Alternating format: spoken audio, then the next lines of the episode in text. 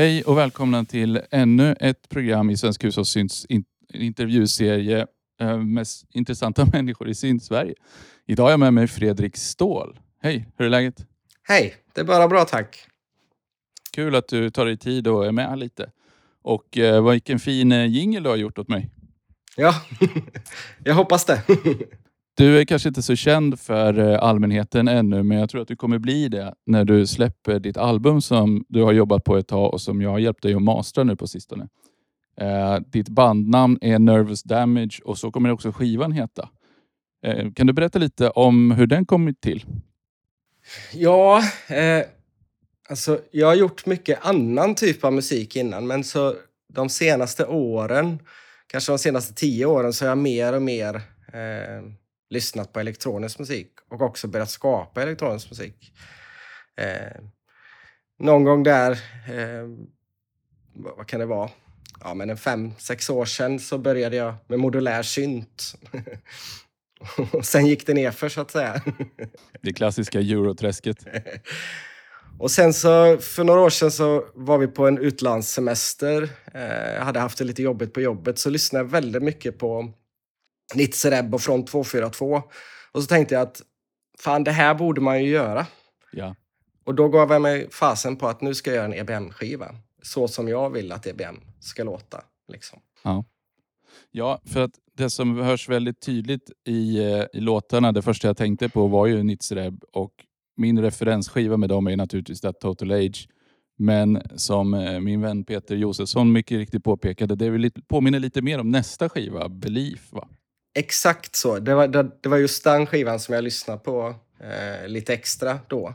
Eh, jag tyckte att de utvecklade genren på ett schysst sätt då. De utforskade liksom ljud och vad genren, hur genren kan låta. Eh, utan att... Ibland kan jag känna i genren att man sneglar liksom lite för mycket bakåt och det, man ska låta som Duff och sådär. Eh, men då kände jag att de försökte verkligen hitta sitt egna uttryck på den skivan. må- Mångt och mycket.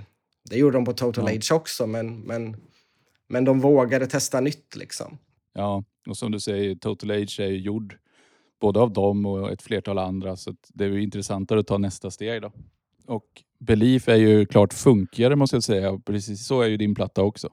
Ja, men, men det är lite det som jag ville också ta fasta på i genren. För att ibland känns det som att man tänker att EBM det är så här rakt och maskinellt och så. Men för mig finns det liksom ett sväng i EBM. Så för mig är EBM både den elektroniska musikens punk, men också den elektroniska musikens funk nästan, så att säga. Eh, Mm. och det är därifrån namnet på, på genren kommer, att det någonstans ska kännas i kroppen. Man ska liksom vilja gunga med, så att säga. Ja. Det jag kände då, där på den här utlandssemestern, att jag, jag vill göra musik som tar fasta på det här som jag tycker är så bra i genren. Liksom. Utforskandet av ljud och det enkla, men ändå lite halvt komplicerade svänget, så att säga. Mm. Jag tänkte på, ehm, du har ju faktiskt verkligen lyckats göra det väldigt svängigt. Har du programmerat trummor i trummaskiner och, och, eller har du suttit i Logic och petat ut? Eller hur har du gjort? Nej, alltså all musik är faktiskt skapad från början utanför datorn. Um, och det är även... Alltså jag har sequensat allt och sen så har jag ju klippt och klistrat i datorn i efterhand eller så. Men all liksom grund, grundljuden och, och alla sequences är gjorda utanför datorn. Och trummaskiner som jag använder är framförallt då elektron, men förutom då modulära. Ehm, men jag använder machine drum, analog rytm. Sen har jag också samplat från modulären till digitakt eh, och eh, på så vis gjort en del rytmer och ljud också. Eh, Just och där, just när jag samplat digitakten så där kan det ju ibland bli så att man, man samplar inte Ibland har jag samplat en loop och så blir det kanske inte exakt. Liksom, sådär. Så det kanske får ett visst sväng. Men annars är det rätt så, det är rätt så hårt kvantif- kvantiserat egentligen så i sequenserna. Mm. Men all, allt är gjort utanför datorn från början. Har du gjort liksom olika spår då? Spelat in alltså ett trumljud för sig, ett basljud för sig och sen blandat och arrangerat färdigt i datorn? Det har varit lite olika. Eh, de flesta låtar har jag haft grunderna klara utanför datorn. Att jag har haft liksom, eh, ja, men en bas och baskagge och, och virvel och eh, hi-hats och kanske något syntljud utöver det. Eh, och att jag haft lite olika patterns som jag har triggat av och på sådär och mutat och hållit på med och så har jag spelat in det, multitrackat det och sen så har jag liksom hittat partier och liksom kopierat partier, tagit bort saker och ibland lagt till i mm. efterhand. Så.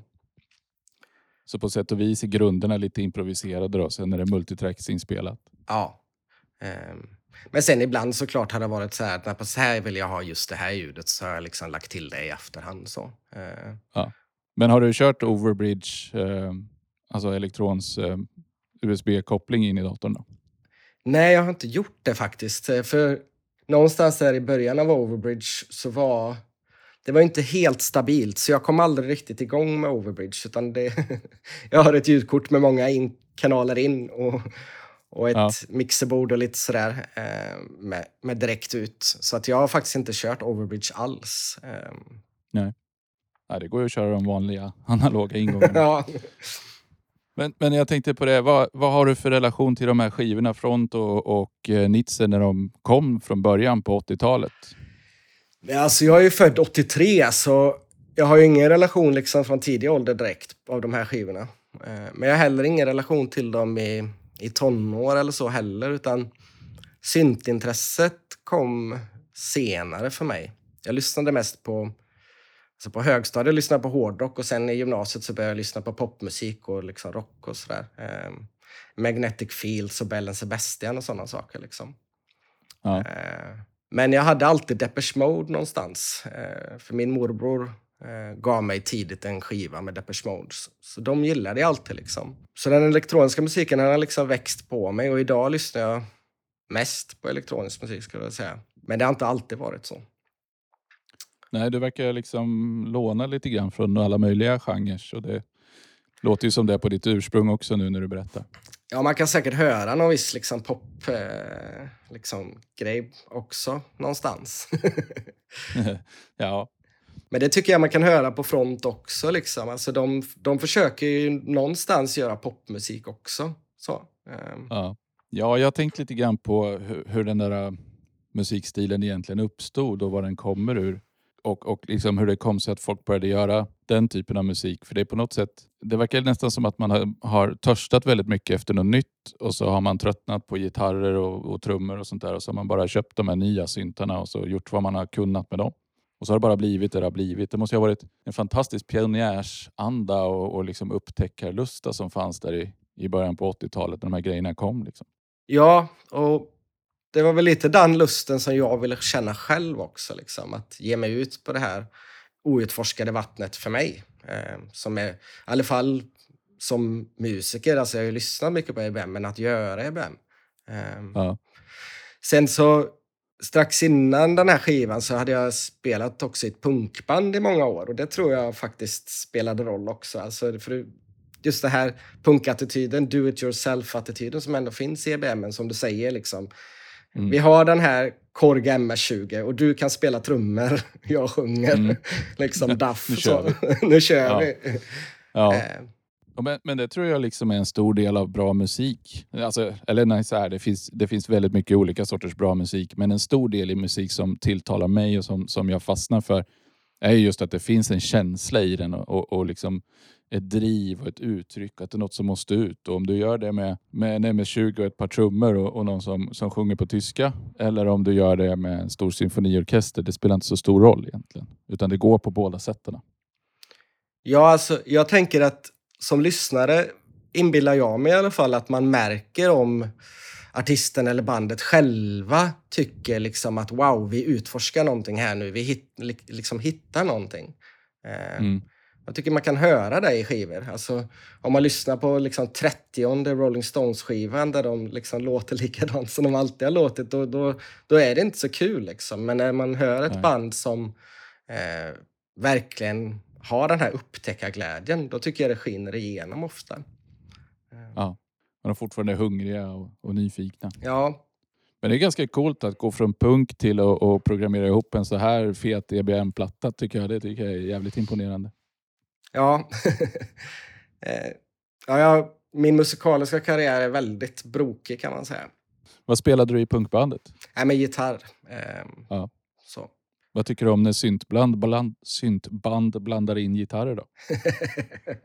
ja, den eviga klassiska frågan. Ja. ja, alltså, jag gillar ju eh, en del. Eh, jag gillar Nine Inch Nails till exempel. Eh, men jag var faktiskt och såg Frontline och Dick Krups och vilka var det mer? Eh, vilka var det nu? Frontline och Dick Krups. Ja, skitsamma. Men eh, Dick Krups är ett sånt exempel för mig där det liksom går överstyr. Eh, Det blir för mycket. det blir hårdrock till slut. Liksom. Ja. Ehm, Men jag, men jag tror att ehm, om man som syntband börjar använda gitarrer så, så det brukar inte bli bra om det blir huvudinstrumentet till slut. Så skulle jag vilja säga. Nej. ja, men jag kan köpa det. Alltså det som jag alltid tar upp i Frontlines eh, Millennium-platta. Där tycker de ändå gjorde det bra. Och, men lyssnar man noga så finns det lite gitarrliknande grejer på Tactical Neural Implant också. Ja, alltså, jag menar, gitarrinfluenserna kommer ju tidigt. Jag menar, det är bara ett sånt här band som Ministry, liksom. De är ju ganska tidigt mest gitarr så. Och det går ju liksom. Eh, De lyckas ju. Eh, Men det är inte alla som lyckas med den balansgången, liksom. Att, att ha gitarrer som huvudinstrument och samtidigt liksom inte vara ett hårdrocksband. Ja, nej precis. Nu har jag aldrig spelat gitarr och ingen koll på det. Men jag tänker mig att det är ganska tacksamt att försöka göra coola riff på gitarrer. För distar man det ordentligt så låter det ju coolt fort. Ja, men det är ju så lite att eh, gitarrer kan ju låta jäkligt maffigt liksom. Ja, Och det är väl det som kanske ibland blir problemet, att det blir en vägg snarare av ljud. Och I den elektroniska musiken tycker jag, då lyssnar man ju på mycket mer nyanser. Liksom. Det är mycket mer nyanser i ljuden. Liksom. Eh, för någon som inte lyssnat så mycket på elektronisk musik kanske två basgångar låter ungefär likadana. Eh, Men för någon som lyssnar mycket på musik känner man att nej, men det här är två olika ljud. De kanske spelar Ja. ungefär samma toner. Jag menar i techno då är det två toner ungefär som liksom, man har i en technolåt. Liksom. Det som skiljer är ju de här små nyanserna som kanske man Ja. inte annars hör. Eh, Men gitarrer, distade gitarrer låter ju ofta som distade gitarrer. Liksom. ja. Eh, ja mitt, mitt otränade öra håller i alla fall med. Men den här punk, eh, vad ska man säga, arvet. Det hörs ju lite grann också i dina låtar i att de är korta. Ja, det är nog faktiskt en väldigt tydlig influens. Alltså, vi gjorde en skiva eh, på tio låtar som var 15 minuter. Åh jävlar. det, är, det är ingen trallpunk direkt, utan lite så här hårdare punk. Men jag tycker nog generellt sett att låtar är för långa, tror jag. Mm. Men där finns nog också den historiska popinfluensen. Liksom. Alltså, om man lyssnar på Motown-låtar, de är aldrig över två och en halv minut ungefär. Liksom. Det är ungefär Nej. så långa de är. Liksom. Man, man hinner säga ganska mycket och gör, har ganska många delar i en låt på två och en halv minut. Liksom. Ja, gud ja. Jag har ju lyssnat ganska mycket på chipmusik och tidiga tv-spelsgrejer. Ja. Det brukar ju vara ett rejält tempo och korta låtar och Ja. mycket som händer. Men köpte du eh, alla instrumenten inför den här skivan eller hade du några syntar innan? Nej, eh, jag hade väl i stort sett alla innan. Eh, jag hade ett ganska långt uppehåll i att liksom spela in egen musik. Eh, men det blev liksom på nytt när jag började intressera mig för synter och så. Eh, men det blev ganska länge att jag du vet hur det är. Liksom. Man, man gör musik, men det blir ingen, liksom, Nej. ingen musik släppt riktigt. Utan man, man står där och pillar och man gör lite liksom, loopar. Liksom, sådär. Eh, Ja. men med den här skivan kände jag väl att nej, men nu, nu är det dags att göra musik på riktigt igen. Göra ett helt album liksom. Med en tanke bakom. Så. Och Ja. släppa någonting. Men det där också, det måste jag fråga om för att det är så, alltså världen är så snuttifierad nu och alla släpper singlar och, och det ska ju vara liksom Spotify är ju gjort för att spela enstaka låtar med, med flit enligt Daniel Ek då, och så vidare. och så vidare. Men du bestämmer dig för att göra ett helt album med, med liksom en tydlig röd tråd och ett tema och en feeling i. Vad, vad kommer det sig? Ja, alltså det är väl någon slags konservatism när det gäller eh, liksom, eh, formatet eh, som jag tycker är... Alltså jag är inte konservativ ideologiskt i övrigt, men när det gäller musik så jag tycker det är viktigt med album. Jag tycker... Jag märkte själv att jag blev, blev sämre på att lyssna på album när liksom Spotify kom och sådär. Eh, Mm. men jag, de senaste åren har jag verkligen försökt anstränga mig att inte liksom bara lyssna på enstaka låtar och byta liksom och sådär. Så jag har faktiskt börjat köpa skivor de senaste åren igen av den anledningen att man liksom committar till någonting. Man, nu har jag köpt den här skivan, nu måste jag lyssna på den. Lyssnar jag på hela A-sidan, nu lyssnar jag på B-sidan. Liksom. När man bara lyssnar på enskilda låtar så går man ju går det ju förlorat just det här att det kan finnas en helhetstanke bakom ett album. Eh, Ja. där summan är, liksom, är större än delarna någonstans. Eh, Nej, men jag kommer ju på mig själv med att sitta och bläddra i låtarna ibland och, och sådär. Och då, det blir ännu värre. Då snuttifierar man det ut totalt. Och sen, alltså, viss typ av musik i alla fall berättar ju en historia igenom låten. Man bygger upp saker, man tar ner dem, man bygger upp dem igen och så vidare. Det missar man ju helt om man liksom inte lyssnar på det ordentligt. Och det kan man ju göra utöver en hel platta då. Ja, men precis. Ehm, Låtarna, även om man inte liksom gör en dark side of the moon, liksom, så, Nej, häng, nej. så hänger ju musiken på något sätt ihop. Liksom. Det är så här det här bandet lät då och de hade den här liksom, idén om hur deras musik skulle låta just då. Liksom.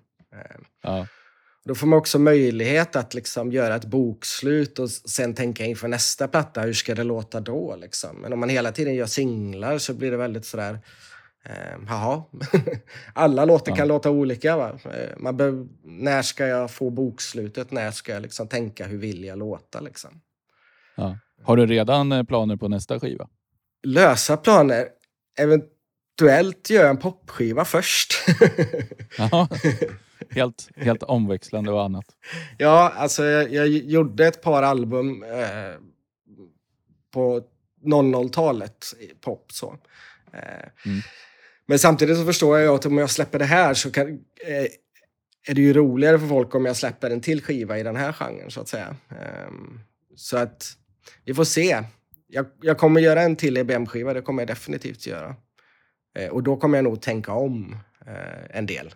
Eh, Ja. Jag kom, till exempel har jag haft som princip när jag gjort den här skivan att alla ljud liksom har jag skruvat till själv. Liksom. Ja. Vilket ju, det var någon på något forum när jag postade en låt som sa att jag vill ha mer naturliga virvelljud. Liksom. Och jag bara, men det, det går inte. Så, men så nästa skiva kanske jag ska våga liksom använda andra samplingar så att säga. Eh, Ja. vi får se. Kanske en gitarr. ja, Eh, ja. kanske det. Ja, men jag har lyssnat en del på Cabaret Voltaire faktiskt det senaste också.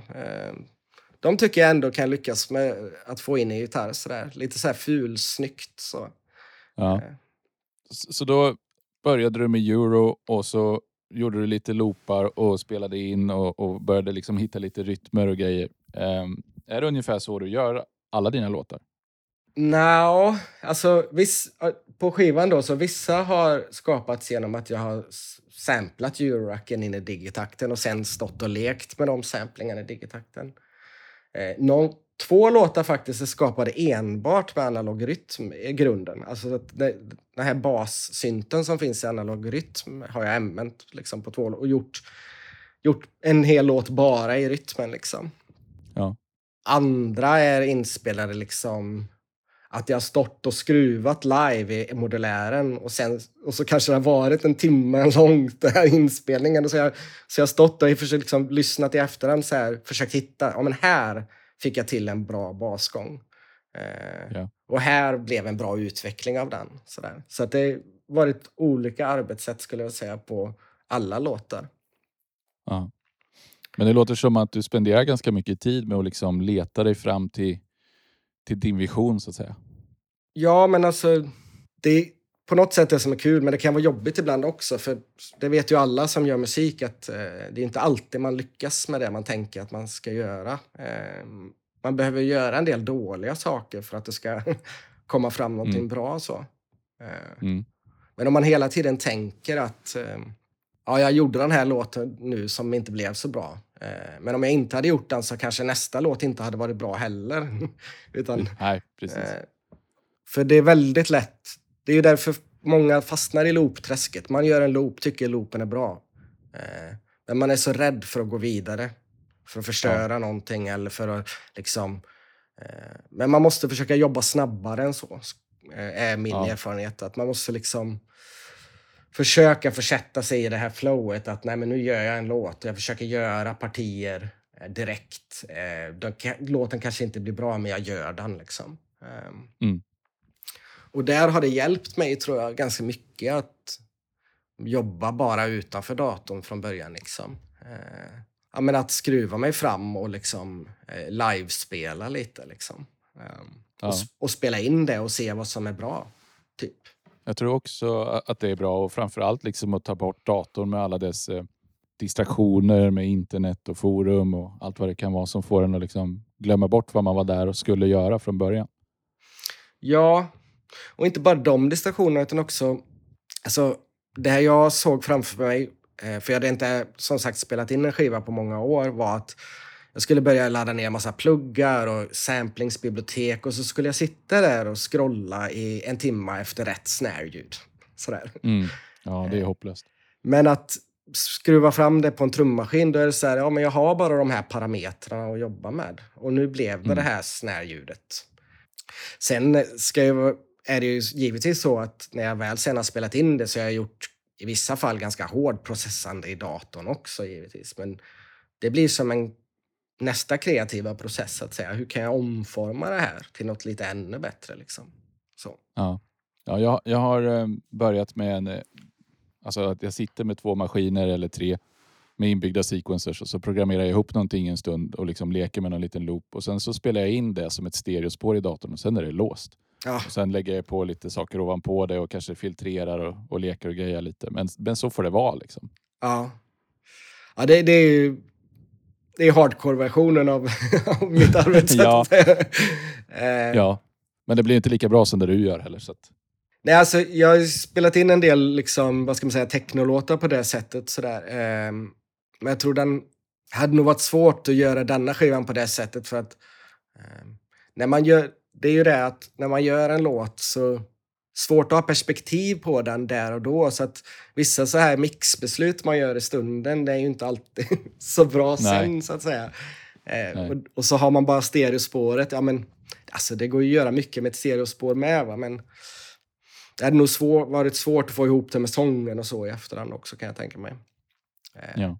Men det är ju definitivt alltså ett sätt att bara börja göra musik. Alltså, och, och gör man techno, jag menar, det behö- techno behöver inte vara sådär fruktansvärt välbalanserat så att säga, utan det kan ju låta på lite olika sätt. Och då, det kan ju till och med om man är till stereospår att det finns någon råhet i det som, som man kanske skulle po, po, polerat bort annars. Liksom. ja, precis.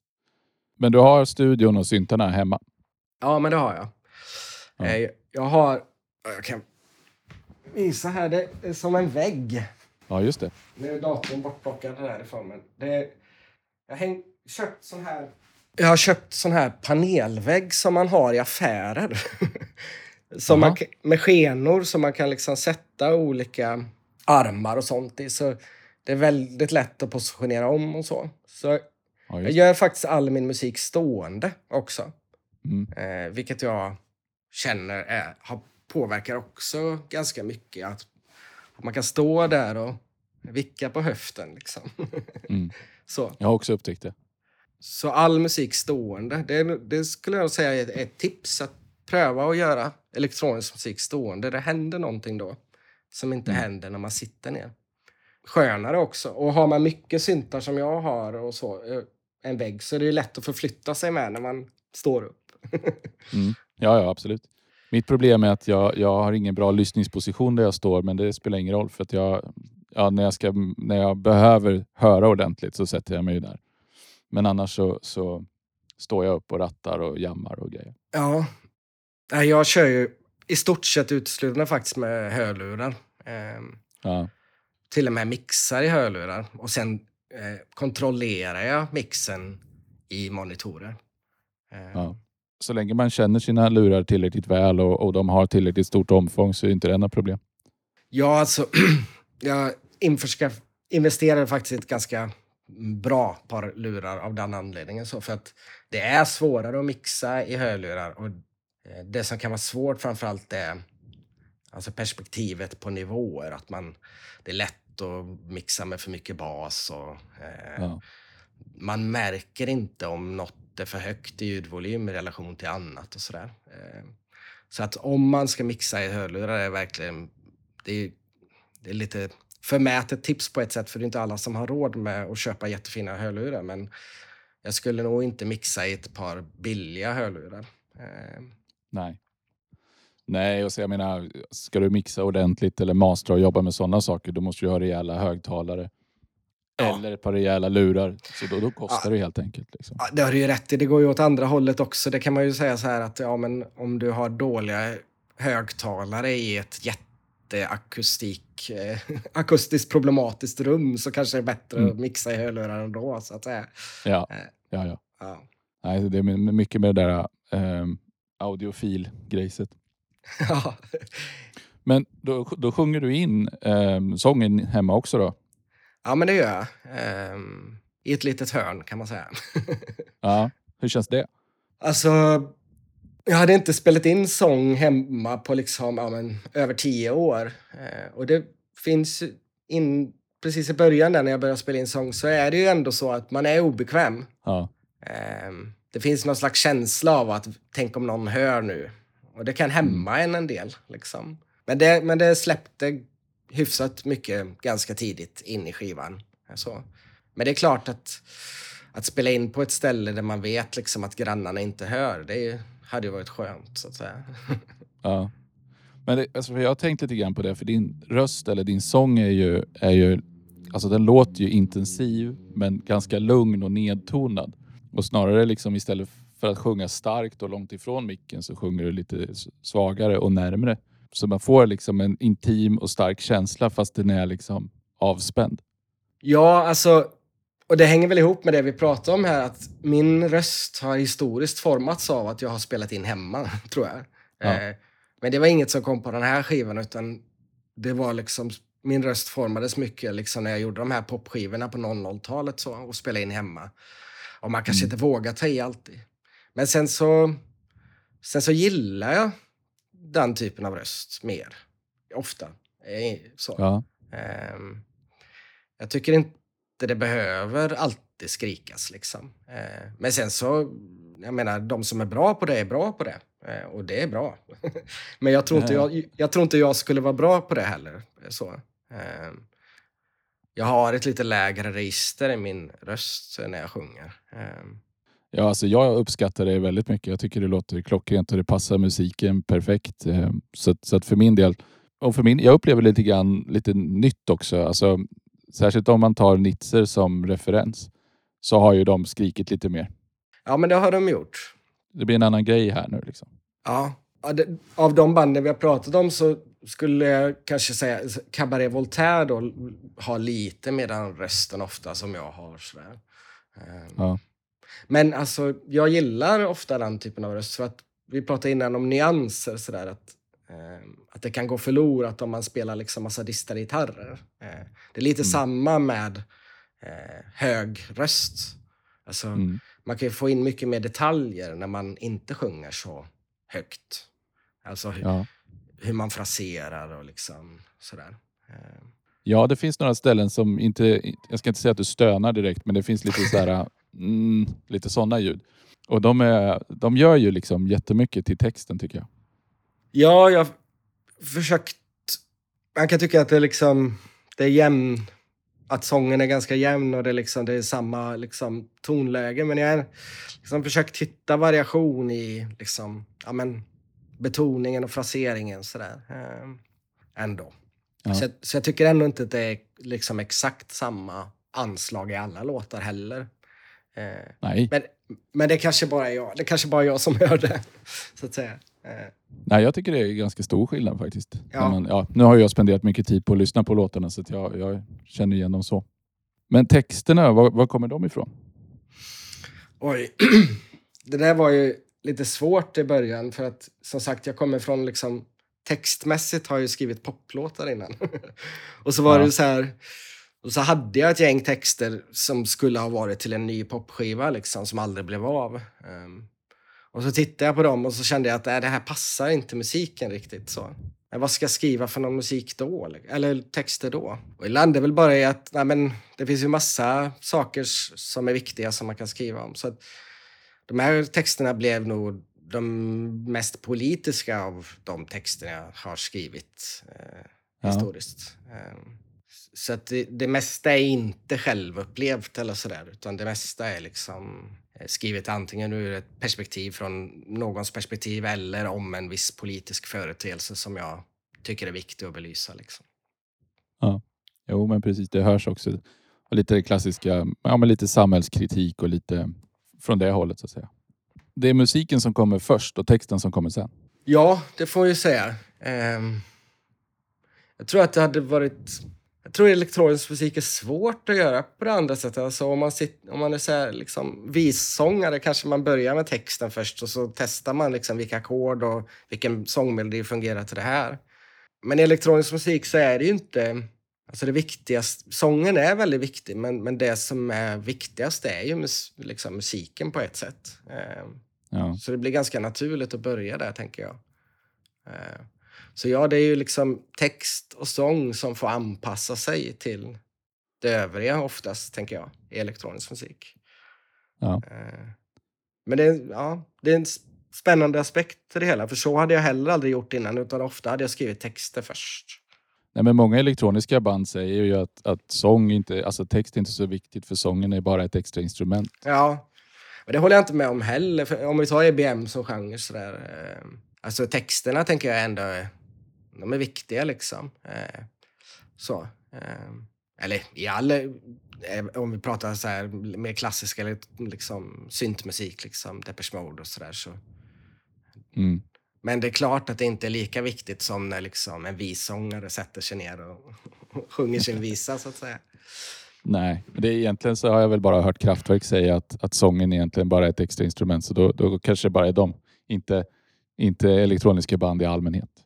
Men sen så är det ju också bra att det finns någonting man kan sjunga med i på, på dansgolvet och på liveframträdanden och sånt. Ja, alltså. Jag har lyssnat en del på techno och så genom åren, men det är oftast inte den musiken som jag, liksom när jag ska koppla av hemma, lyssna på. Eh, faktiskt. Nej. Det tror jag kanske har, alltså dels såklart med tempo och så, men det har nog också med Ja, jag kommer i alla fall ifrån liksom, historiskt från att liksom, men jag, jag vill ha sång. Eh, jag vill ha något att hänga mm. upp låten på som inte bara är att den är ett ljudlandskap. Liksom. Jag har tänkt också på en annan aspekt av dina låtar. De är ganska torra. Det är inte så mycket reverb och delay och andra sådana effekter. Är det medvetet eller är det mera att det har blivit så? Oh, men det är ganska medvetet, fast det är nog också att jag har svårt att ändra på mig. alltså, jag historiskt har, har, min musik varit väldigt torr. Och jag tror att det någonstans började som någon slags känsla av att jag ska inte dölja saker i reverb. Liksom. Eh, när man väl börjar med mycket reverb så är det lätt att bara säga ja men allting låter lite bättre med mycket reverb. Liksom. Den här dåliga sången, eh, den hörs inte lika bra i all den här reverben. Så, eh, så det finns väl någon slags ja, autenticitetsidé bakom torrheten också. Att liksom, kolla här det, här, det här kan låta bra även så här naket. Så. Uh, sen mm. gillar jag musik med jättemycket reverb. Så. Uh, men ja, det vi får se. Kanske nästa skiva kanske blir dränkt i reverb istället. Så, uh. ja. Det blir elektronisk EBM-dubb med, med tre timmars reverb på. Ja, det är nog kanske en sak som jag måste utmana mig själv på. Att våga ha mindre torrproduktion. Ja, ja fast det, alltså, det behöver inte vara något egen syfte att, att vräka på med effekter alla gånger. Nej, nej. Absolut inte. Och jag, jag gillar ju det soundet som har blivit på skivan med det torra och sådär. saker får ju ett helt annat liksom, smäck om det inte är mycket mm. reverb. Liksom. Det, det, sitter ju mer i magen när det inte är reverb. När det mycket reverb blir det lite mer mysigt sådär. Eh, ja. Men det är alltid bra det vi pratade om innan, så här, upptäcka glädjen. Alltså, när jag väl ska göra en till skiva så vill jag inte att den ska låta exakt som den här skivan lät. Så, så det vore ju en lågt hängande frukt att bara, nej men nu, nu, ska, jag, nu ska jag våga ha mycket reverb. Liksom. Ha lite mer, ja. Kanske långa låtar till och med då. Ja, visst. Sju minuters låtar med bara reverb. Men Ja, du men kan ju ha precis. något element som har lite extra reverb på sig. ja, absolut. Eh, Det, det gillar jag också, som jag har tänkt på när jag har suttit och mastrat de här låtarna. Att vissa, du har ju låtit dem ha ganska mycket basinnehåll. Vissa låtar har väldigt djup bas till exempel. Och det, och det tycker jag, en del slentrian mastrar ju bort det och liksom klipper vid 10 hertz eller något sånt där. Men jag tycker, jag tycker om när det finns lite stuns i botten som, som eh, gör sig påmint ibland. Ja, alltså det där är ju... Bas är ju det svåraste alltså. Eh, någonstans... Och det var där, det, den här skivan var den svåraste att mixa för mig eh, någonsin av den anledningen att jag ville pressa det till den absoluta liksom, gränsen någonstans för när det bara låter bumligt och liksom boomigt. Så. Men det är svårt bas. För det enklaste med bas vore ju att ha mindre bas. Men det är ju Mm. när man pushar den här gränsen som det kan, det kan bli för mycket. Eh, men jag känner nog att vi, vi fick till en ganska bra balans till slut, tror jag. Ja, det tycker jag definitivt. Eh, Men, men alltså bas kan ju äta väldigt mycket energi också så det inte blir plats kvar till de andra elementen. Så man måste vara väldigt noggrann när man både mixar och sidechainar och pysslar och grejer. Ja, ehm, ja alltså att om man är ny på att mixa, att man tycker att bas är det svåraste, det är inte konstigt. för Alltså jag är ingen expertmixare, men jag har mixat en del och jag, jag tycker fortfarande bas är svårt. Det, Mm. det, det är liksom, och det är många liksom, som har professionella mixare som säger det också, att varje gång de mixar så är basen fortfarande svår. Liksom. Ja. Ehm, en del sidechain har det blivit ehm, på skivan, det får jag villigt erkänna. Men sen har jag ju ingen sidechain som är sådär technopumpande. Eh, utan eh, i, i, i den här musiken så är det väl mer att eh, ja, men sidechainen ska inte höras, men den ska, den ska vara effektiv och ge liksom plats. Och. Mm. Men sen så finns det, det finns en problematik i det också. Jag menar, det gör vi ju alla. Vi tittar på Youtube och liksom kommer in på någon så här EDM eh, eh, tips, tricks. Och de har ofta jättebra tips, tricks, men, men mixtips. Men en sak som jag ofta ser är att liksom, de sidechainar till den nivån att till slut blir ba- om man skulle lyssna på bara basinnehållet så är det bara kontinuerlig bas. För det är en, Ja. det är en baskagge och sen så är det en bas efter det. Och det blir aldrig något mellanrum. Eh, Nej. Det finns ingen luft att andas liksom. och för att få punch och sväng så måste det finnas mellanrum också. Så att om man använder sidechain som ett sätt för att få liksom kicken att höras eh, så ska man ju också fundera på, ska basen vara här? så, Mm. eh, Mm. Så lika och mer har jag nog, jag har nog låtit basen och det här är en klassisk fråga. Ska basen vara längst ner i frekvens eller ska kicken vara det? På den här skivan är det nog oftast kicken. Och sen har jag skurit en del i basen i de lägre regionerna ofta. Eh, Ja. För att det ska liksom inte vara bara en kontinuerlig subbasinnehåll liksom, som bara maler på. Liksom. Eh, Nej men precis, bara liksom brummar. Um, nej, men, men ett, ett trick som jag brukar använda när det gäller just sidechain det är för att plocka fram rösten lite grann. Om den ligger och grötar tillsammans med många andra element så brukar man kunna välja en, en, ett, liksom ett frekvensband i sången och så använder man det för att sänka ett frekvensband på ett EQ som ligger likadant. Så då, då liksom när sången blir lite starkare då, då tystnar det elementet lite mer. Så, så byter de plats lite grann. Ja, ja, det blir ju oftast när man pratar om sidechain att det är så här bas och kick. Men på många av låtarna är det en serie av sidechain i, faktiskt på den här skivan. Att det kan vara så att en sak duckar en annan som i sin tur duckar något tredje. Alltså, så här, ett, Ja. liksom, det blir ett komplext nät av sidechaining. Eh, och det sidechain kan ju också skapa sväng. Alltså, jag brukar sidechaina hi-hats för att liksom...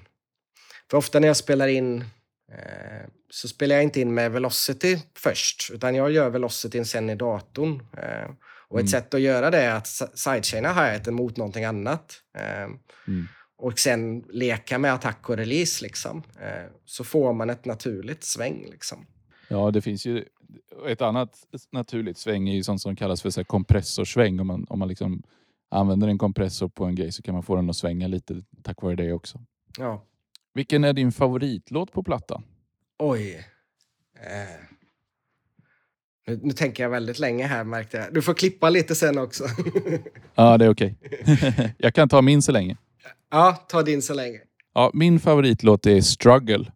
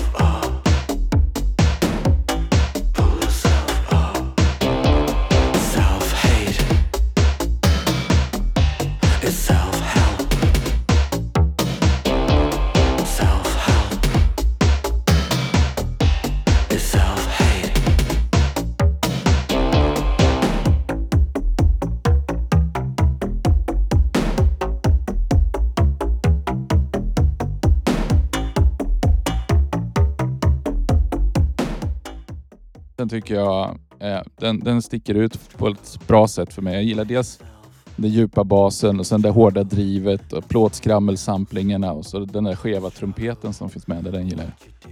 Ja, den här skeva trumpeten är, är rolig. Eh, den kom till att jag bara, jag bara har en digitone och jag, jag, det kan jag säga, jag älskar FM-syntes. Eh, och varför älskar jag det? Jo, för att om man inte är ingenjör Eh, och liksom har doktor, doktor i matte liksom. Eh, så vet man inte riktigt vad som kommer hända när man skruvar. Alltså hur Nej. relationerna mellan de olika operatorerna ser ut. Utan man, man skruvar tills man hittar någonting som man gillar. Eh, och den kom till bara. Helt plötsligt så hade jag ett liksom trumpetljud eller ett blåsljud. Och så tänkte ja. jag, och så tänkte jag så här, Construction Time Again eh, med Depeche Mode liksom. De här, jag vet inte vad, om det är EMU. Det är nog inte, det kanske inte är analoga. Eller det kanske är en DX7, jag vet inte. Men de är ju lite så här fulsnygga de här trumpetljuden. Och så tänkte jag, det, ja. det ska jag fan ha med det här ljudet. så. ja men det är, det är, jag gillar det som fan. Och just den där, ja men återigen den där upptäckarlusten som vi pratade förut. Och, och den här, vad ska man säga, Ja, men upptäcka lust. Att man ger sig ut på någon sorts klangresa och man testar vad, vad händer om jag går åt det här hållet? Vad händer om jag gör så här? Hur blir det här tillsammans? Liksom?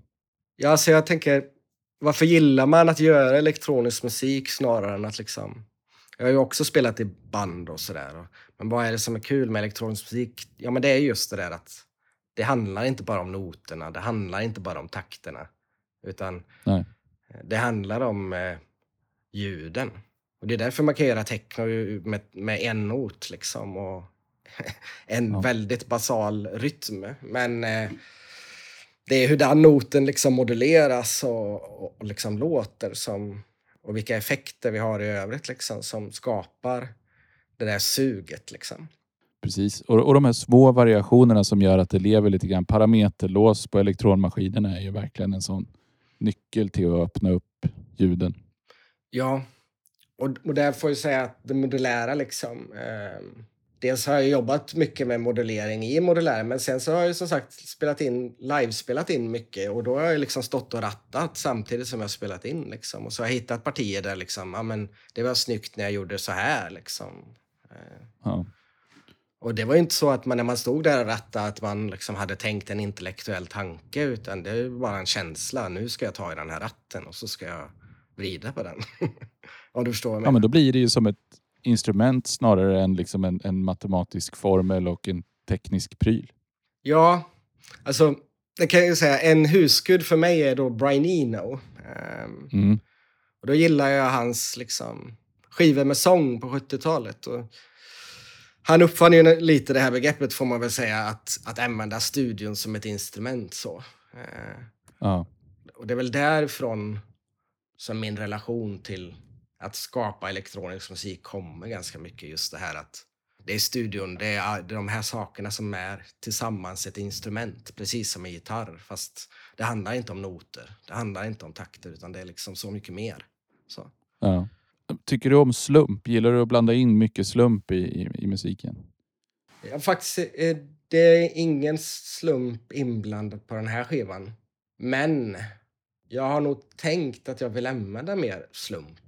Eh, för det är något, det tycker jag är rätt så spännande också med elektronisk musik. Sådär, att vem är det som skapat musiken egentligen? Eh, mm. Vem är det som spelar den? Ja, men det är maskinerna som spelar den.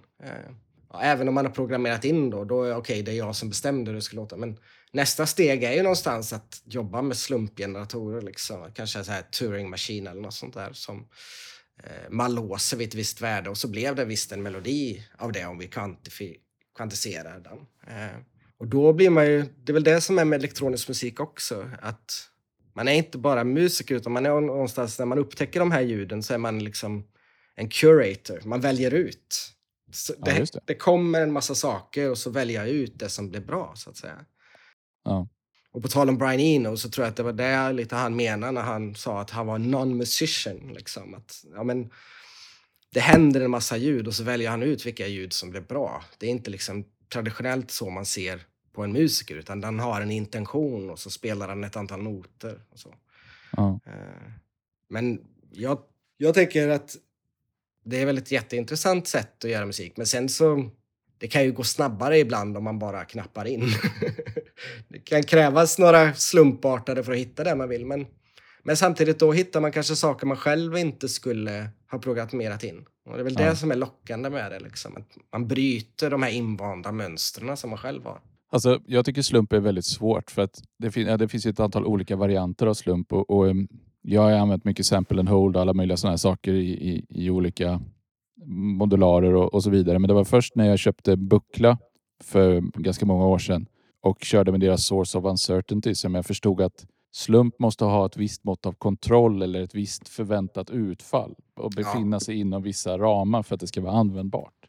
För, för fullständigt liksom galen slump det, det, kommer att leverera resultat, men det kommer att leverera väldigt mycket skit man måste vada igenom innan man hittar de där resultaten som faktiskt är, är användbara. Ja, alltså, jag vet inte vart jag läste eller hörde detta, men det, det var någon som liksom teoretiserar kring musik, att, att musik är samma på mikronivå som makronivå egentligen. Liksom. Att, eh, ett litet ljud består också av liksom en serie av någonting, precis som en melodi består av en serie av någonting. Men om vi tar det på mikronivå då, alltså helt random, det blir ju per definition noise. Det blir liksom vitt brus liksom. Det vill man ju inte ha. Ja. Eh, så slumpen måste ju styras eh, för att det ska mm. bli någonting som vi liksom tycker liknar musik. Så. Exakt. Ja, och det, och det för mig in lite grann på... Jag hade en Nord Modular G2 ett tag och där kan man ju, där kan man ju ta två presets. Eh, som är samma patch fast de är liksom olika rattinställningar och sen så kan den liksom generera ett antal mutationer mellan dem. Så kan man välja ut och så går det vidare och så vidare. För jag tror att jag läste någonstans om, vad heter han nu då? Pelle som var med där och, och skrev de där algoritmerna. Han liknade det vid ett, vid ett om du tänker dig liksom alla, alla tillgängliga inställningar på en maskin som ett tvådimensionellt hav med vågtoppar och dalar. Och på vågtopparna så finns ljud du tycker om och, och, då finns det naturligtvis varianter av dem runt den här lilla kullen på, på toppen. Och i dalarna mellan så finns det liksom väldigt mycket ljud du inte tycker om. Och Det här skulle då vara ett sätt att, att liksom hoppa från topp till topp. Och jag, gillar, jag gillar att tänka på det på det sättet. Ja men absolut. Jag, jag, det jag tänker hänger ihop. Det är många som pratar om syntar och så säger de om en synt eller någon viss liksom, eh, annan effekt eller vad det nu kan vara. Att det här har bara sweet spots, säger de. Eh, Ja. Men för mig, någonting som bara har sweet spots kan inte heller göra så många olika ljud oftast. Om något bara har massa sweet spots så är det ofta ganska begränsat till hur det kan låta. Om något kan låta på många olika sätt så kommer det förr eller senare låta skit. ja. ja, precis. Um, och det hänger väl ihop med det här, då måste man, vad gör man som elektronisk musiker? Ja, man väljer ut, man ser till att välja det som inte låter skit. Så det handlar väldigt mycket mm. om smak, att göra elektronisk musik. Det är liksom, musikaliteten är smak väldigt mycket. Ja. Om du förstår vad jag menar. Ja, absolut. Och Det är därför jag tycker det är lite extra imponerande att du liksom valde ut den här plattan med Nitzer och sa så bara, men det här gillar jag. Det här, det här är min smak. Nu ska jag göra en, en skiva som följer den här smaken. Liksom. Ja.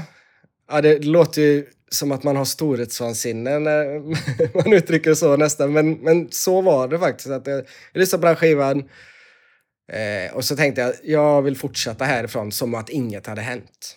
Mm. Men samtidigt vill jag inte, liksom inte göra en skiva som är så här försöker hapa efter heller. Eh, utan det var mer attityden och känslan jag ville åt. Liksom. Eh, Ja. Men, men när det kommer till tycke och smak och sånt där. Jag menar, nu har ju du mixat din skiva själv. Och mixningen gör ju väldigt, väldigt mycket. Och det måste jag säga att du lyckas otroligt väl med. Jag tycker det är en vansinnigt välmixad platta. Men när man lämnar bort mixning och mastering till andra så kommer ju de lägga på lite av sin känsla och sin estetik på skivan. Hur, hur är det när man liksom har lagt ner så här mycket tid på att göra en skiva? Att lämna bort det till någon annan? Ja, nu lämnar jag inte bort till mixning då, men jag lämnar bort till mastering. Eh, men anledningen till att jag vill, för jag hade kunnat mastera den själv. Men jag kände att jag ville att någon annan skulle ta några beslut också. Mm. Eh, och kanske höra andra saker än vad jag hade hört. Det kändes viktigt för mig på något sätt också.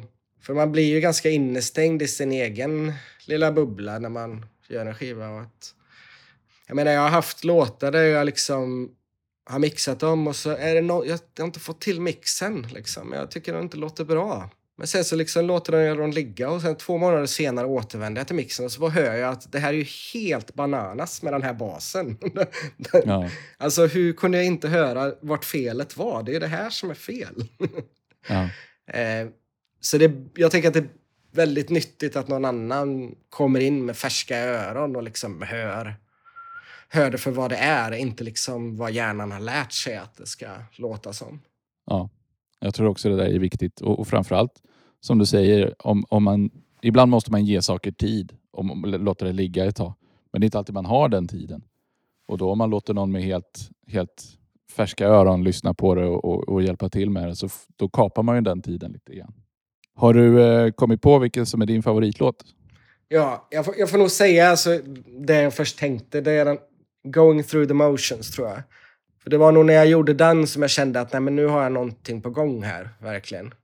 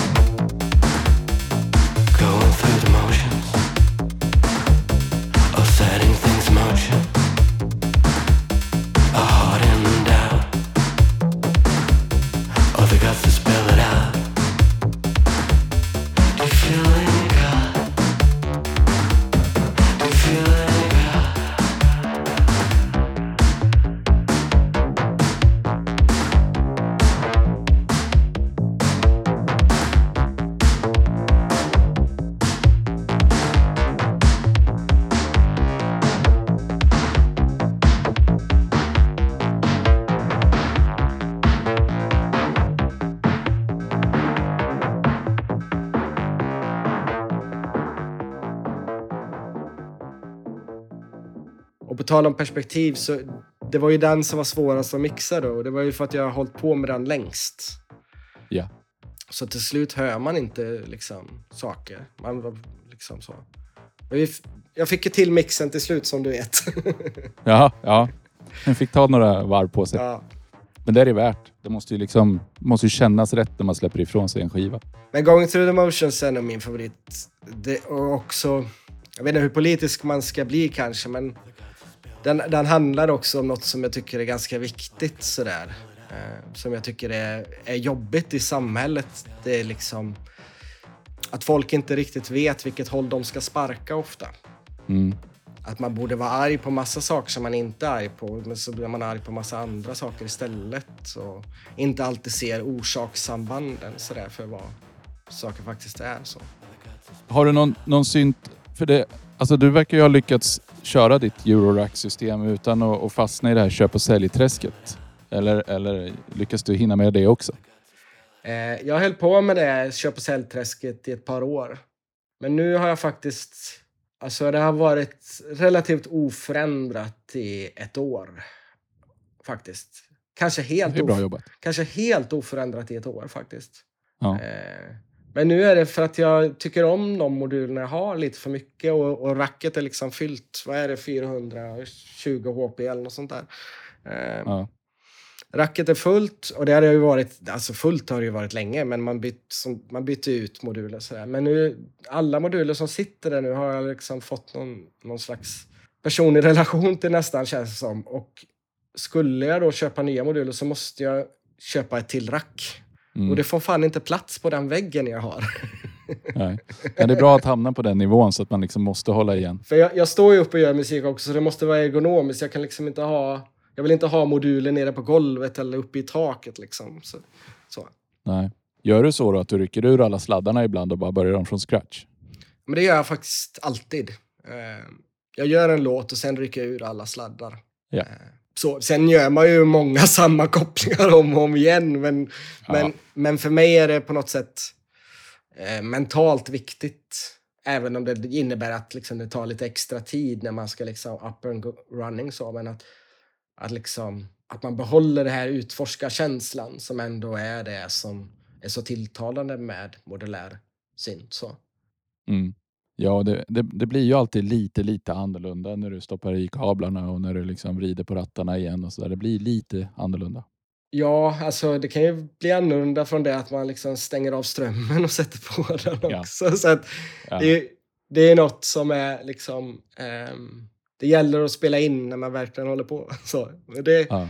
Innan jag började med modulär tänkte jag, men fan vad jobbigt att liksom ha, hålla på med det här och inte ha några presets och liksom, hur fan gör man en låt då ens? Liksom?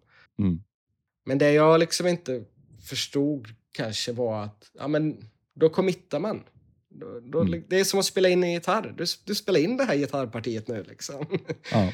Och sen, sen får det vara där. ja, så. Nej, och sen kan man ju klippa och klistra i datorn ganska mycket Ja. och pyssla och grejer. Alltså, när jag har gjort musiken grunden så är även dator som bandspelare, men sen efteråt så har ju liksom, det är ju helt fantastiskt att ha en dator. Ja. Jag har ju lekt så många av oss på tanken på så här Dales och sådär och Porta Studio och så, men det, det slutar ändå i att det är så jäkla kraftfullt verktyg, datorn. Ja. Alltså, när jag började spela in musik i slutet på 90-talet, då hade jag faktiskt en Porta Studio. Och då, så. Och det var ju, det var ju jobbigt. För det gällde ju att spela in det rätt från början och man behövde puncha in och det liksom, det, så. Ehm, Mm. Men det var ett ganska bra första sätt att göra musik tror jag, för att liksom, man fick jobba med ett fåtal kanaler och sådär. Men att ha en dator att spela in på, det är ju sån lyx som man tänker historiskt. Liksom. Eh, Ja, ja alltså att, att du kan ha hur många kanaler som helst och att du kan spola tillbaka och spela ett stycke om och om och om igen utan Ja. att liksom degradera bandet eller vad som helst. ja det, och den mängd efterarbetning man kan göra på ett ljud. liksom. Eh, Ja. så.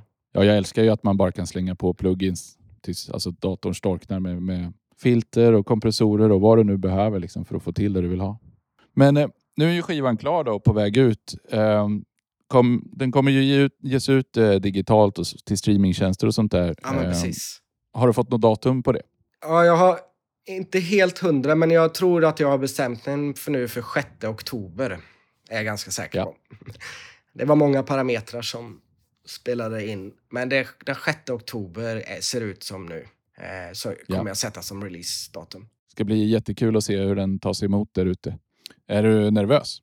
Alltså både ja och nej. Alltså det ska bli väldigt skönt att släppa skivan för att jag har hållit på med den lite för länge.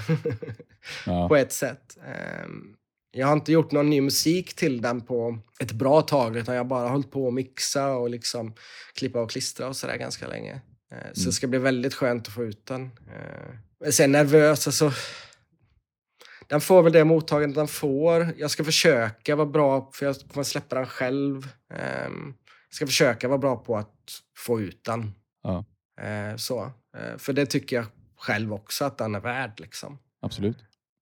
Men det är ju ett visst brus man ska igenom. Sådär. Ehm, bloggar och tidningar och liksom så- sådär. De får ju, jag vet inte hur många mejl per dag de får ifrån liksom band och artister som vill att de ska lyssna. Ja, nej, men det är jättebra. Jag hoppas att jag lyckas hjälpa till med spridningen lite via den här intervjun idag. Då. Ja, men det känns ju väldigt bra här och, och, och faktiskt göra en intervju som kommer ut i samband med att skivan kommer.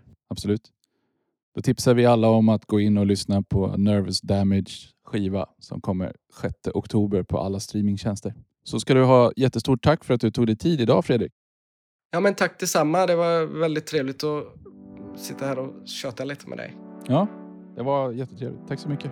Tack.